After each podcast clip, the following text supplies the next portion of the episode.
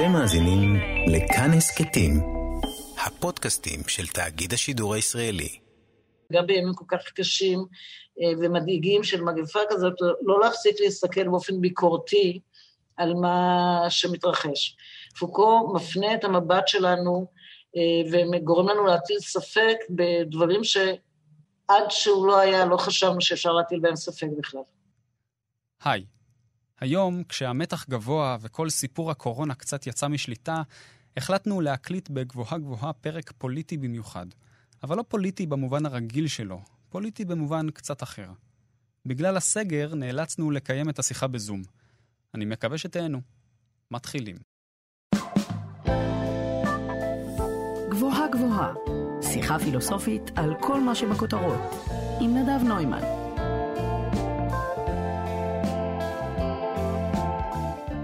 קודם כל, רישות מרחבי מדוקדק.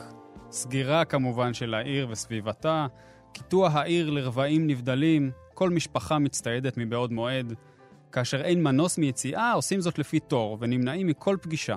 מרחב מקוטע, דומם וקפוא. התיאור הזה הוא לא חלק מכתבה במוסף סוף שבוע על הקורונה בישראל, אלא קטע מהספר המכונן של מישל פוקו, לפקח ולהעניש, הולדת בית הסוהר. בקטע הזה פוקו מתאר נוהל מהמאה ה-17 באירופה שמספר על הצעדים שצריך לנקוט כשפורצת בעיר מגפת דבר. כמו שאפשר לנחש מהמילים בתיאור הזה, רישות מרחבי מדוקדק, קיטוע העיר, יציאה על פיתור, פוקו רומז על כך שמגפה ומחלה היא אף פעם לא רק עניין רפואי, תמיד מעורבת בה פוליטיקה.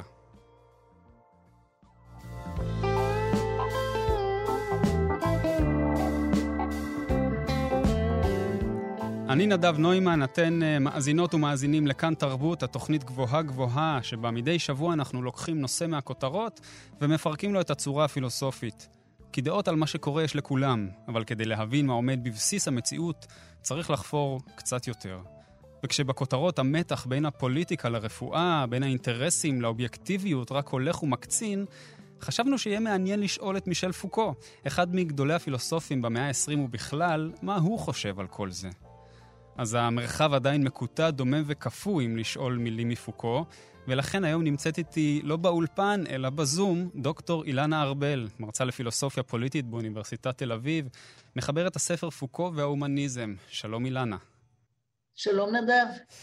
אז אילנה, לפני שנצלול לתוך הדברים של פוקו, אולי נאמר כמה מילים עליו למי שפחות מכירה. מי הוא היה, מתי הוא כתב, למה הוא כל כך משפיע, מה זה הפרויקט הזה של פוקו? טוב, אז אה, אה, פוקו הוא, נול... הוא פילוסוף צרפתי, הוא נחשב לפילוסוף הפוסט-מודרני אה, המשפיע ביותר, הוא נולד ב-1926 והוא מת מאיידס ב-1984, אז אפילו החיים הפרטיים של פוקו מתקשרים לנו לנושא. לגמרי. אגב, זה מאוד מעניין, מכיוון שפוקו חשב שאין דבר כזה מחלה שאין בה פוליטיקה, לא רק עצם העובדה שאנחנו אה, אומרים על משהו שהוא מחלה, זה כבר יש לו משמעות פוליטית, וכמובן הדרך שבה אנחנו אה, מטפלים במחלה, וכשפוקו חלה באיידס, שזו הייתה תקופה של המגפה הנוראית, כן.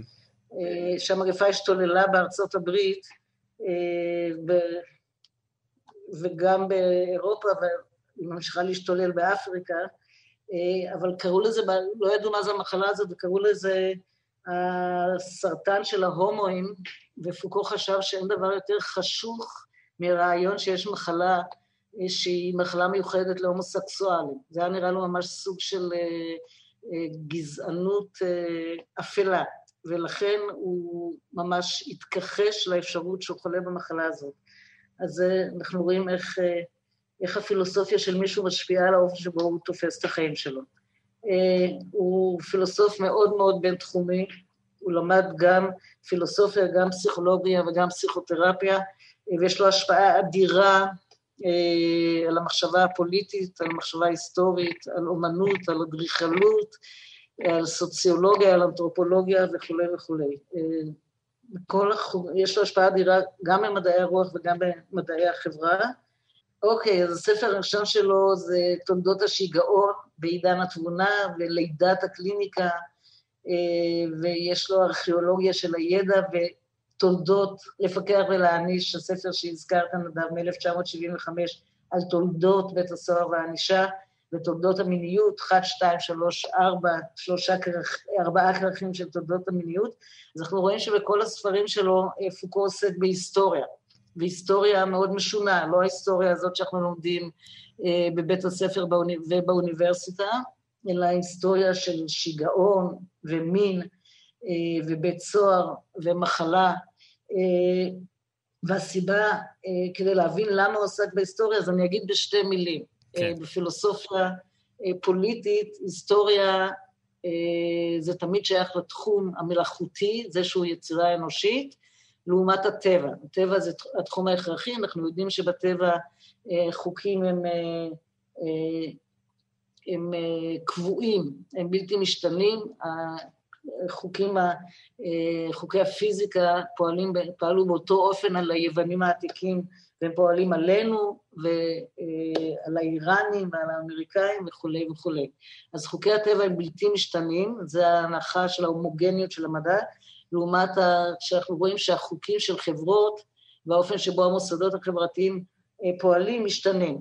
אז כשפוקו עושה היסטוריה אה, של המחלה למשל, אז מה שהוא רוצה לבטא בעניין, בחקירה הזאת, זה שהמחלה, בניגוד לאיך שהיא נתפסת, כאיזושהי אה, תופעה טבעית אובייקטיבית, יש בה מימד אה, שהוא תוצאה תרבותית פוליטית. וכשעושה היסטוריה של השיגעון, אז גם, השאלה מיהו המשוגע היא שאלה שיש לה אה, משמעות פוליטית, השאלה מי, מהו הדמות של המשוגע ואיך לטפל בו, היא אה, משתנה בהיסטוריה, ואותו דבר גם השאלה מהי המיניות אה, הבריאה, פוקו עסק בה, אה, חקר את תולדות המיניות, מכיוון שמאז פרויד מקובל בתרבות המערבית שה...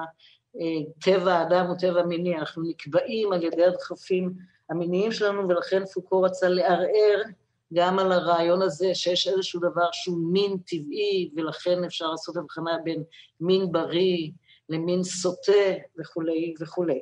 כלומר, בניגוד למה שעד לפוקו היו נוהגים לעשות בה, אולי בהיסטוריה של האנושות, איזושהי מחשבה שיש דבר כזה שנקרא טבע האדם, שהוא נכון ואובייקטיבי לאורך כל ההיסטוריה. פוקו ניסה להראות שלא, זה תמיד תלוי במה? בפוליטיקה שמסביב, בתנאים אה, הסביבתיים, החברתיים, התרבותיים. אין דבר כזה שהוא אה, היסטוריה לא, לא אובייקטיבית לא שנכונה ל, ל, לכל הדורות ולכל התרבויות. נכון. למשל, אם אה, נניח מקובל, אריסטו אמר שמהות האדם או טבע האדם זה התבוניות, ואני חושבת שגם זה מה שקאנט חשב על האדם, אז בספר הזה, תולדות השיגעון בעידן התבונה, פוקו מנסה להראות שעצם התוכן שאנחנו נותנים למושג של תבונה, הוא משתנה בהיסטוריה. אין דבר כזה התבונה האובייקטיבית. כן, אז... ו... אז, כן. אז, אז הוא מדבר על, אה, על השיגעון, על המיניות, על התבונה, וגם על המחלה והמגפה. ועם זה אולי נעשה עכשיו איזה זום אין, ככה ל, ל, למה שאנחנו מדברים עליו בימים האלה, בערך הנושא היחיד שנמצא בכותרות בימים האלה, אז אין לנו ברירה אלא לעסוק בו. ואני רוצה להקריא לך אה, איזה קטע, אוקיי? ו, ונשמע מה יש לך להגיד על זה. אני מצטט. מרחב סגור, מקוטע, מפוקח בדקדקנות זה, שכל יחיד בתוכו משובץ במקום קבוע, שאף התנועות הזעירות בתוכו מבוקרות, שכל האירועים בתוכו נרשמים, שעבודת כתיבה בלתי פוסקת מחברת בו את המרכז וההיקף, שהכוח מופעל בו ללא סייג על פי תבנית מדרגית נמשכת, שכל יחיד בתוכו מעוקן בקביעות, נבחן וממוקם בין החיים, החולים והמתים, כל זה מהווה מודל מרוכז של מנגנון המשמוע. כדי לראות את המשמועים המושלמים מתפקדים, חלמו המושלים על מצב זה של דבר. אילנה, את רוצה להגיד לי שזה טקסט מ-1975 ולא מאוקטובר לא, 2020? לא, זה, לקוח, זה לקוח מדה-מרקר. זה, זה ממ... דה-מרקר של היום, זה, התקי... זה התפרסם היום בדה-מרקר. חד משמעית, זה לא יכול להיות. זה, זה לקוח, נגיד, מלפקח ולהעניש. הספר שלו מ-75, זה ממש זה, זה לא יאמן כמה שזה רלוונטי. והוא מתייחס לאופן שבו טיפלו אה, במגפת הדבר שהייתה במאה ה-17. כן. אז אני, לפני שאני אגיד, אני, כדי לענות לך באופן יותר עשיר, אז אני רק אוסיף משהו, כן, אוקיי? בבקשה. פוקו, שעסק בהיסטוריה, אז הוא אמר שעוסק בהיסטוריה של ההווה, שזה נשמע כמו סתירה, נכון? כי היסטוריה עוסקת נכון. בעבר. אז משהו, שזה הנושא שלו. זה, אז אנחנו צריכים להבין מה, חוץ מזה שפוקו אהב תמיד להדהים אותנו באופן שבו הוא מתבטא, אז יש לזה משמעות עמוקה. בדרך כלל מה שמעניין את ההיסטוריון זה לדעת מה קרה בעבר. אבל פוקו מתעניין בעבר כדי להראות לנו שההווה הוא לא הכרחי. עצם זה שהיו וישנן צורות קיום אחרות מאלו שאנחנו מכירים למשל, אה, בחברה שלנו מראה, אה, זה הוכחה לזה שמה שנתפס בינינו כסדר הכרחי, אה, שלא ניתן לשינוי, הוא בעצם לא הכרחי, ולכן אם אנחנו חושבים למשל שהסדר הזה הוא לא צודק, או לא ראוי וכולי וכולי, אז אנחנו יכולים להרשות לעצמנו להיאבק למען שינויו, ואנחנו צריכים לנסות לדמיין סדר מסוג אחר. אה, אז עכשיו אנחנו חוזרים ל... אז, אז כן, אז אנחנו נמצאים, עם, אז עכשיו אנחנו לפקח ולהעניש, הוא מדבר על כמה מחלות, נכון, הוא סוקר איך התייחסו לכמה סוגים של מגפות לאורך ההיסטוריה, ומזה מה הוא מנסה אה, ללמד אותנו, נגיד? אז מה שמעניין את פוקו תמיד, אה, פוקו, לפחות אני רואה בו, אה, אני לא חושבת שהוא היה מתנגד להגדרה הזאת, הוא בראש ובראשונה פילוסוף שעוסק ב... בפוליטיקה, אבל לא במובן שאנחנו תופסים פוליטיקה. אנחנו, כשאנחנו מדברים על פוליטיקה, זה הפוליטיקה של אה, מי, איזה מפלגה mm-hmm. תפרוש מהקואליציה וכולי mm-hmm. וכולי וכולי. אוקיי? זו פוליטיקה שמתייחסת למוסדות הפוליטיים הרשמיים. אבל פוקו, מה שעניין אותו זה הפוליטיקה אה, שזאת בעיניו הפוליטיקה איפה שמתרחשת באמת הפוליטיקה, זה במקומות שאנחנו בכלל לא מזהים אותם כמוסדות פוליטיים. למשל, כמו בתי חולים ובתי משוגעים אה, ובתי ספר. היום כשאני אומרת את זה, אז אה, מכיוון שפוקו כל כך הופנם, אז כל מי שלפחות אה, למד בגילמן בתל אביב כבר זה המובן מאליו שלו. אבל זה חידוש עצום של פוקו להראות אה, שכל מיני מוסדות שנחשבים א-פוליטיים, בעצם יש להם תפקיד אה, פוליטי ממדרגה ראשונה. ומה שפוקו עושה כשהוא דן באופן שבו בהיסטוריה הגיבו למחלות שונות, למגפות, הוא מנסה להראות בעצם אה, מה המשמעות הפוליטית, מה המשמעות הפוליטית של האופן, עוד פעם, עצם זה שאנחנו מגדירים אה, תופעה מסוימת כמחלה והאופן שבו אה, אנחנו אה, מטפלים בה. כן. עכשיו אני, כן, אני רק עוד דבר אחד אגיד לפני שאני, שאני אתייחס למה זה הכוח הפוליטי החדש הזה שמתאר במה ש... בקטעים שהקראת, נדב, אז אני רק רוצה להגיד שפוקו חשב שלהגיד שיש אמת אובייקטיבית על האדם, לא רק שזה מופרך לחלוטין, את זה הוא מנסה לשכנע אותנו על ידי זה שעושה היסטוריה של כל הפנים של הקיום האנושי, גם הגופני וגם הרוחני, אה, אלא פוקו חושב שזה גם מסוכן. כי ברגע שאנחנו אומרים, נניח שמהות האדם או טבע האדם היא הרציונליות, אז ישר אנחנו מסמנים... את מי שלא את מישהו, רציונלי. נכון, את המשוגע. ואז אנחנו מטפלים בו כמו שהחברות שלנו מטפלות במשוגעים. ברגע שאנחנו אומרים מהי המיניות הבריאה, אנחנו מסמנים את הסוטה.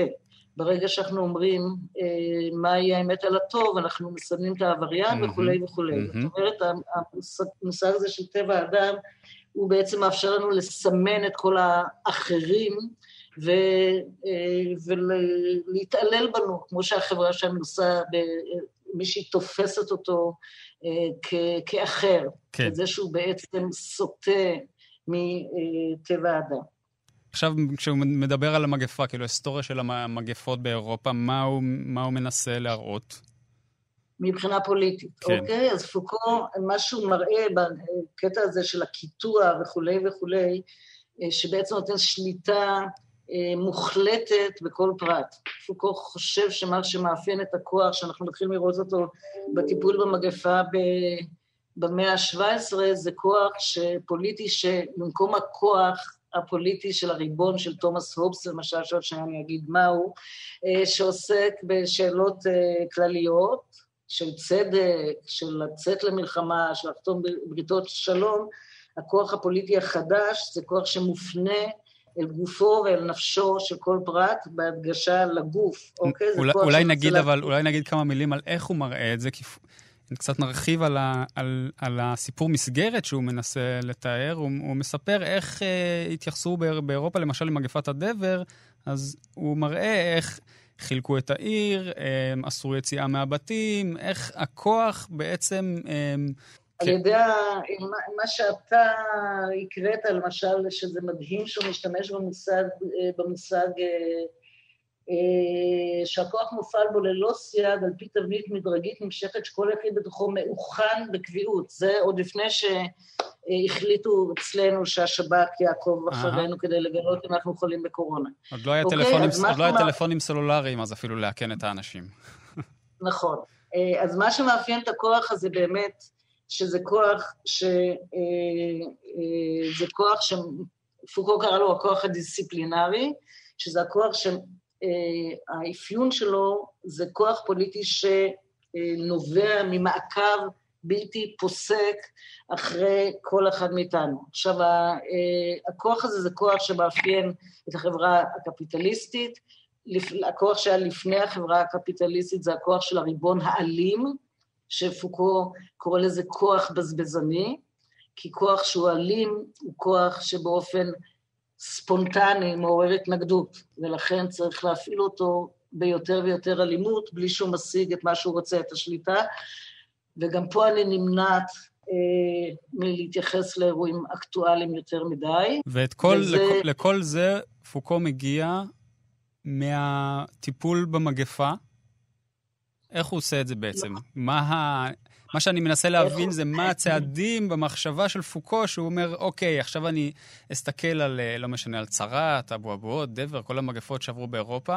הוא מבין איך הכוח הפוליטי אה, ממשטר וממשמיע את המרחב כדי להתמודד כביכול עם המגפות האלה, ומתוך כך הוא גוזר את ההתפתחות ההיסטורית של אה, בית הסוהר בעצם, של הפיכה של של מי מהאנשים לפושעים, למשוגעים, כלומר, התהליך כן. המחשבתי של פוקו, של להגיע מהטיפול במגפה עד לסימון של אנשים כפושעים, הוא, איך, הוא, איך הוא עושה את הקפיצה הזאת?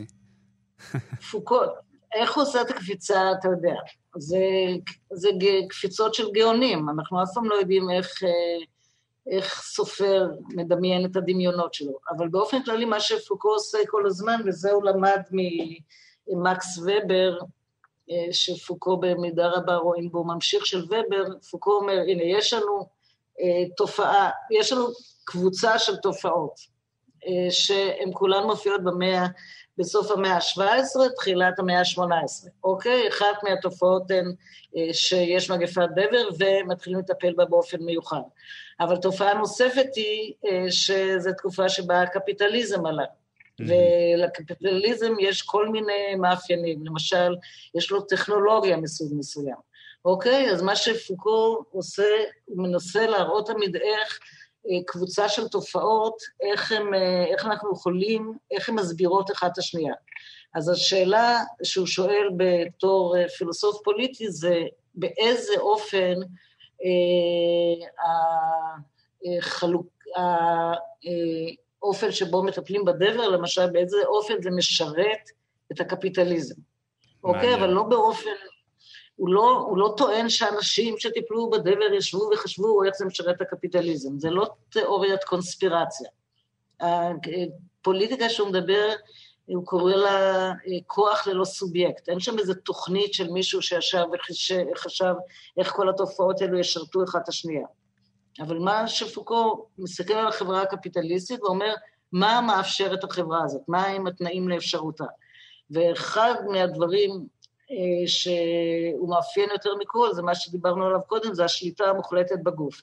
אה, ואת זה אגב הוא אומר בהרבה פעמים שהרעיון הזה עלה לו אה, מזה שהוא קרא את מרקס. מרקס מאפיין את היצור הקפיטליסטי שהסמל שלו זה היצור בסרט הנע, כיצור שבו אנחנו חייבים, האדם חייב להגיע לשליטה מוחלטת בגוף שלו.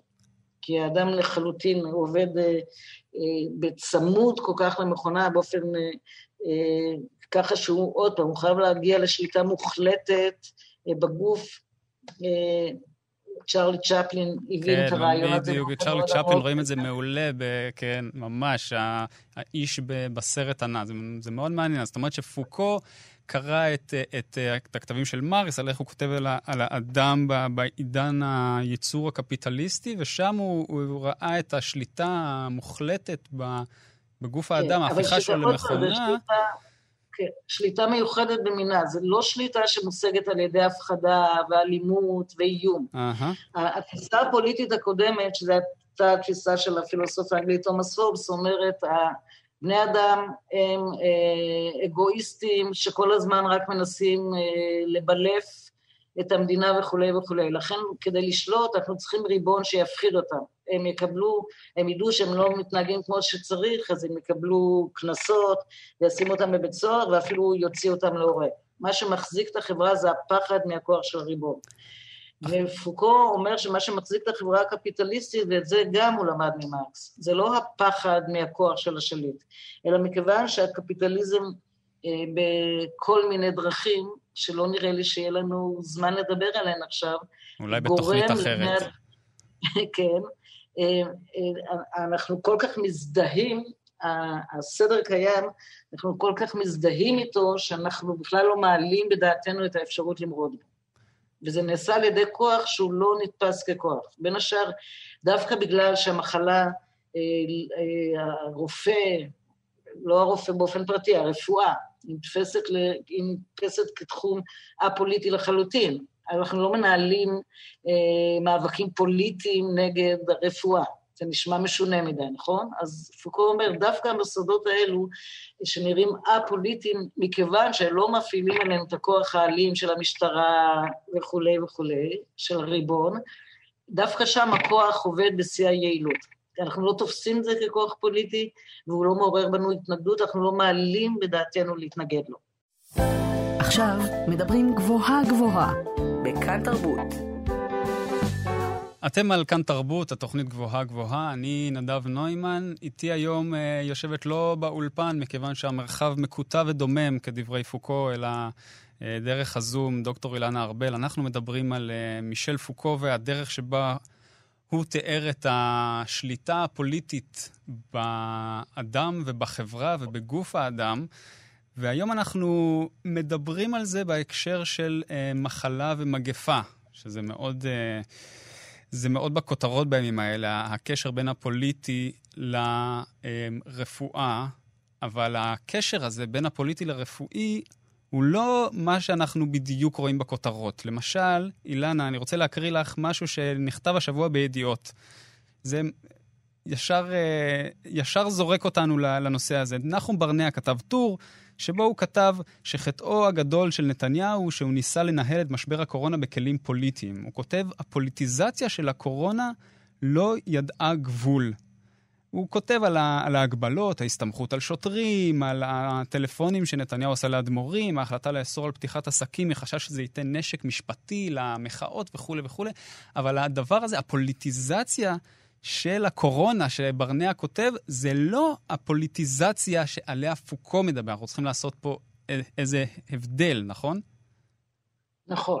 למרות שפוקו כמובן לא היה מתווכח עם ברנע, כי יש גם הפוליטיקה במובן הזה, אבל, אה, אבל כשפוקו מדבר על פוליטיקה, אה, עוד פעם, פוקו הוא לא המציא את הכל לבד. הרעיון שהפוליטיקה נמצאת אה, והיא פועלת הכי ב... אה, באופן הכי יעיל אה, במוסדות שלא מזוהים כמוסדות פוליטיים, זה רעיון שמרקס התחיל אותו. כן. מרקס אמר המדינה זה רק איזה סרח עודף של מאבקים של ניגודי אינטרסים כלכליים שבכלל לא עולים לדיון על סדר היום. מכיוון שמרקס כל כך הופנם, אז היום כבר כולנו יודעים שאינטרסים פולי, כלכליים זה, זאת הפוליטיקה. אבל הוא היה צריך את מרקס בשביל לדעת את זה. It's the economy לקח... stupid, מה שנקרא. כן, נכון, בדיוק. אז היום אתה לא צריך להיות לא, לא צריך להיות לא מרקסיסט ולא שמאלן כדי להגיד, אה, כלכלה זה הפוליטיקה, אוקיי? אבל פוקו הרחיב מאוד את הרעיון הזה, והוא אמר, זה לא נכון, מרקס הראה שהפוליטיקה היא לא, עוד פעם, זה לא המוסדות הרשמיים האלו של הממשלה והכנסת והמפלגות ו, וה, והגופים שנועדו לאכוף את החקיקה, אוקיי? אלא הפוליטיקה נמצאת במקומות אחרים לגמרי. ולכן, וזה היה חשוב לפוקו כל כך לטעון את זה, מכיוון שהוא חשב שאנחנו, כשאנחנו חושבים שפוליטיקה זה רק המוסדות הפוליטיים הרשמיים, אנחנו בעצם לא עושים, לא מנהלים את המאבקים הנכונים. ופוקו למשל היה אחד מהמובילים של המאבק שנקרא אנטי-פסיכיאטריה. Mm. הוא עבד בבית חולים פסיכיאטרי והוא היה מזועזע לגמרי מהאופן שבו טיפלו בכאלו שהוגדרו כחולים פסיכיאטריים.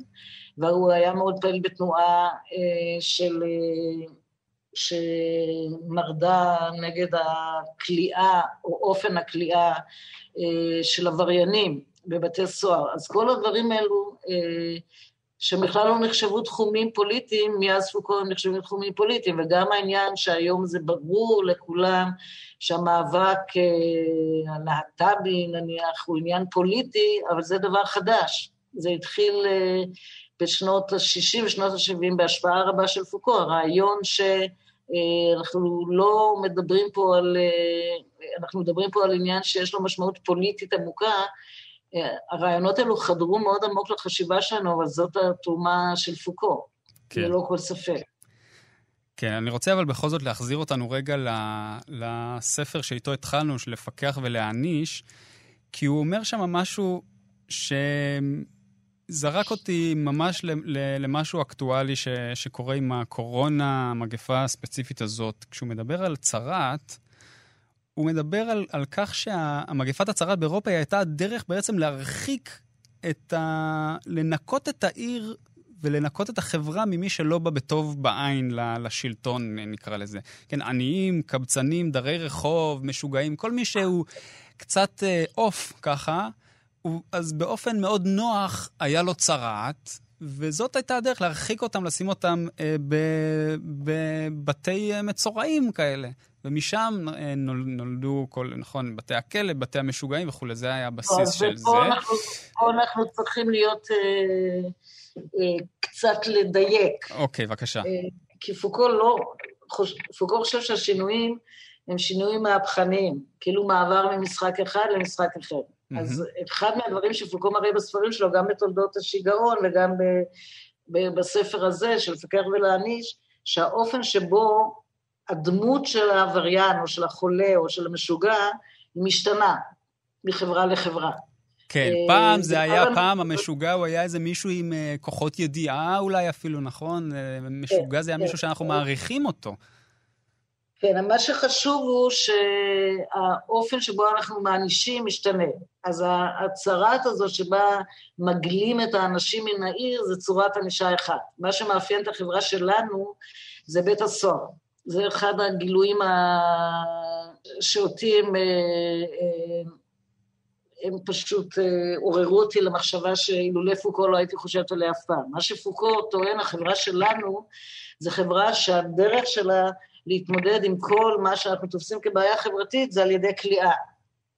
והמודל הזה של הכלא של בנטם הוא טוב להכל. זה אגב גם בנטם חשב. עכשיו, עכשיו רגע, זה, זה, זה, לא רק, זה לא רק בתי כלא, אפשר לחשוב על, על עוד משהו. זאת אומרת, אני חושב למשל על בתי אבות, שאנחנו נכון. כביכול מגלים את כל זקנינו לא למקומות... כן, אבל, אבל, אבל שם הם... הגליה זה סוג אחד של ענישה. כן. כן. וקריאה זה סוג שני, זה למה מה... זה כל כך חשוב? כי אנחנו עושים פה היסטוריה. אם מה שפוקו רוצה להגיד לנו, אנחנו בטוחים שהדרך היחידה להתמודד עם שאלות חברתיות זה כליאה. אז אנחנו כולאים את הילדים שלנו בבתי ספר שנראים כמו בתי סוהר, ואנחנו כולאים את הזקנים שלנו בבתי זקנים, ואת החולים בבתי חולים שנראים כמו בתי סוהר וכולי וכולי. ומה שפוקו, כשהוא מדבר על צורות ענישה אחרות, כמו הגליה, הוא מראה את זה כדי להגיד לנו מה שנראה לנו כמובן מאליו, אין שום דרך, מה אנחנו יכולים לעשות אלא לשים את האנשים בבית חולים? מה אנחנו יכולים לעשות אלא לשים אותם בבתי זקנים? מה אנחנו יכולים לעשות אלא לשים אותם בבתי משוגעים? ולאור לבתי ספר עם האדריכלות האיומה הזאת, אוקיי? מה שפוקו אומר, זה לא עובדה, אני לא אומר שלהגלות את האנשים זה יותר טוב מלכלוא, ולהפך. אני רק רוצה לשחרר אתכם, להגיד לכם זה לא הכרחי. תנסו ל... הרי כליאה זה דבר נוראי, נכון? אז אחרי שאנחנו יודעים שזה נוראי, אבל זה גם לא הכרחי, אז בואו ננסה לדמיין דרכים אחרות לטפל בשאלות שהחברה שלנו צריכה להתמודד איתן. עכשיו מדברים גבוהה גבוהה, בכאן תרבות. אתם על כאן תרבות, התוכנית גבוהה גבוהה. אני נדב נוימן, איתי היום אה, דוקטור אילנה ארבל. אה, אנחנו מדברים היום על פוליטיקה ומגפה. פוליטיקה ו... ומחלה, פוליטיקה וה... והגוף האנושי. ואנחנו עושים את זה באמצעות uh, מישל פוקו כמובן. עכשיו, עד עכשיו דיברנו על איך, uh, על איך פוקו הבין ובנה את הסיפור הזה של, ה... של כך ששום דבר בהיסטוריה ובהיסטוריה של הטבע האנושי, נקרא לזה, הוא לא טבעי. אין דבר כזה הטבע האנושי, זה תמיד מובנה באמצעות הכוח, בין אם זה שיגעון, מיניות או, או מחלות. הוא מראה איך אה, גם הדבר באירופה והצרעת, אה, האופן שבו השלטונות אה, טיפלו, נאמר, בסיפור הזה, הוא אף פעם לא נבע באופן אובייקטיבי מהמחלה עצמה. האנשים שהורחקו מהעיר, למשל, במגפת צרעת, הם במקרה, אנחנו רואים שהם היו אה, עניים, קבצנים, אה, דרי רחוב וכולי, והמשמעות של מה זה להיות אה, אה, עני, קבצן, דר רחוב, חולה, משוגע וכולי, זה, אלה דברים שהם הובנו. אה, כלומר, הייתה הבניה של הדבר הזה, אין שום דבר טבעי בסיפור הזה. ואילן, אני רוצה לשאול אותך בכל זאת, מחלה בסוף זה דבר, כן, ביולוגי. יש וירוס. כלומר, קורונה זה וירוס בסוף. מה, אין שום דבר אובייקטיבי? הכל זה המצאה פוליטית אה, והבניה של כוח? לא. אז פוקו לא חשב שאין שום דבר אובייקטיבי, הוא רק חשב שהביולוגי או התרבות והפוליטיקה אה, הם כל כך אחוזים בביולוגיה שאנחנו לא יכולים לנקות את, ה, את, את הצד התרבותי-פוליטי ולהגיד, אוקיי, אבל זה הדבר הטבעי. אוקיי? הדוגמה אה, ש, טובה היא תמיד, אה, חוץ מפוקו, שיש לו דוגמאות נהדרות, אז תמיד אפשר להביא דוגמאות ממרקס. אז למשל מרקס, נניח הצד שאף אחד לא מתווכח עליו, שזה צד אה, ביולוגי, הצדדים הגופניים שלנו בכלל, הם, הם, הגוף שלנו זה המרכיב הביולוגי אצל האדם. Mm-hmm. אז למשל הדחפים שלנו הם דבר ביולוגי.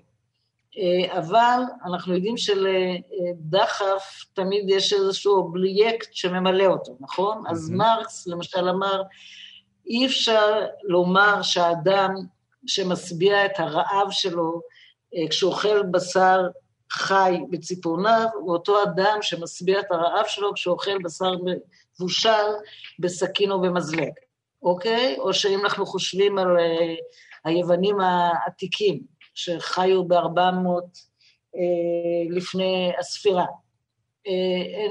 יש לשער שכשהם היו רעבים הם לא חשבו על המבורגר עם קטשופ ומיונז, אוקיי? אז מכיוון ש...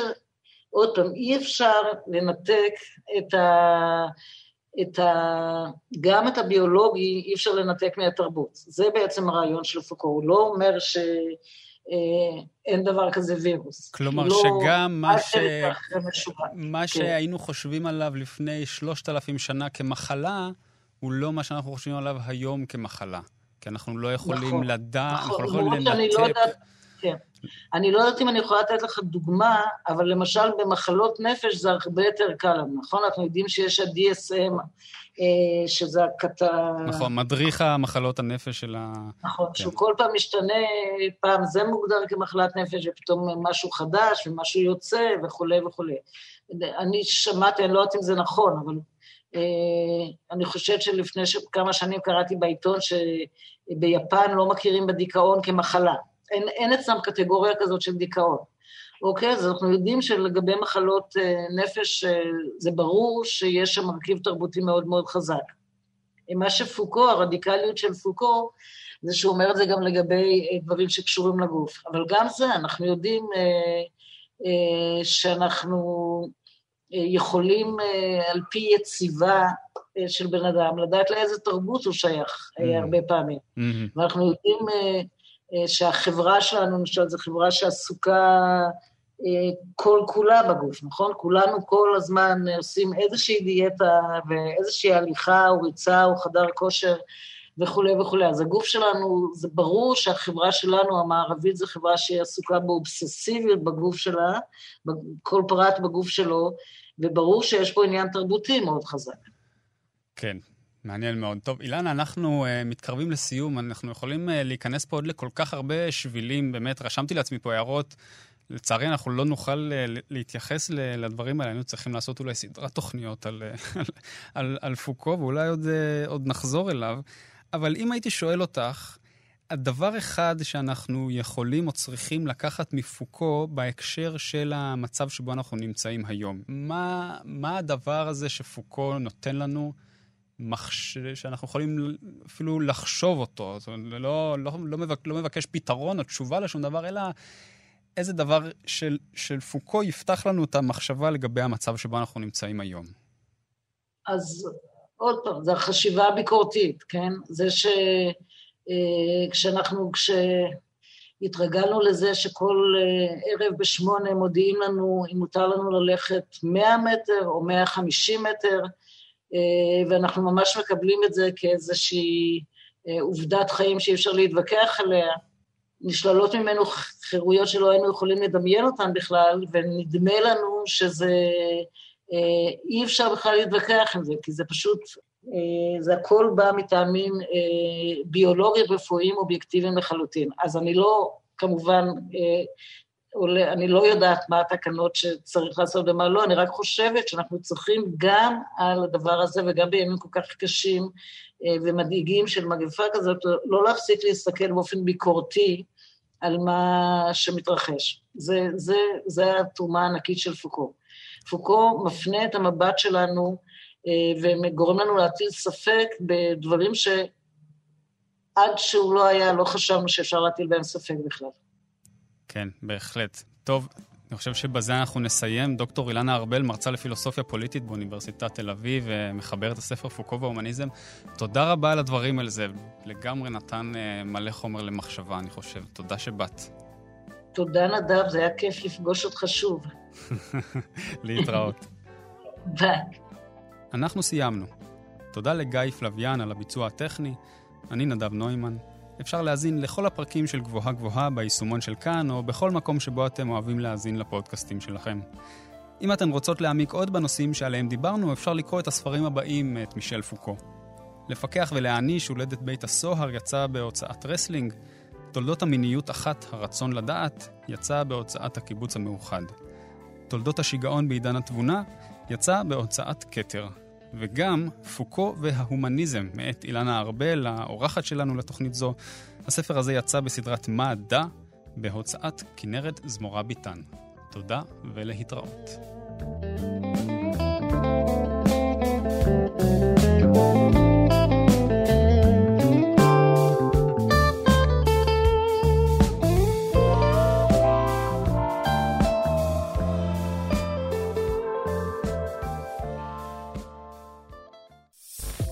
אתם מאזינים לכאן הסכתים, הפודקאסטים של תאגיד השידור הישראלי.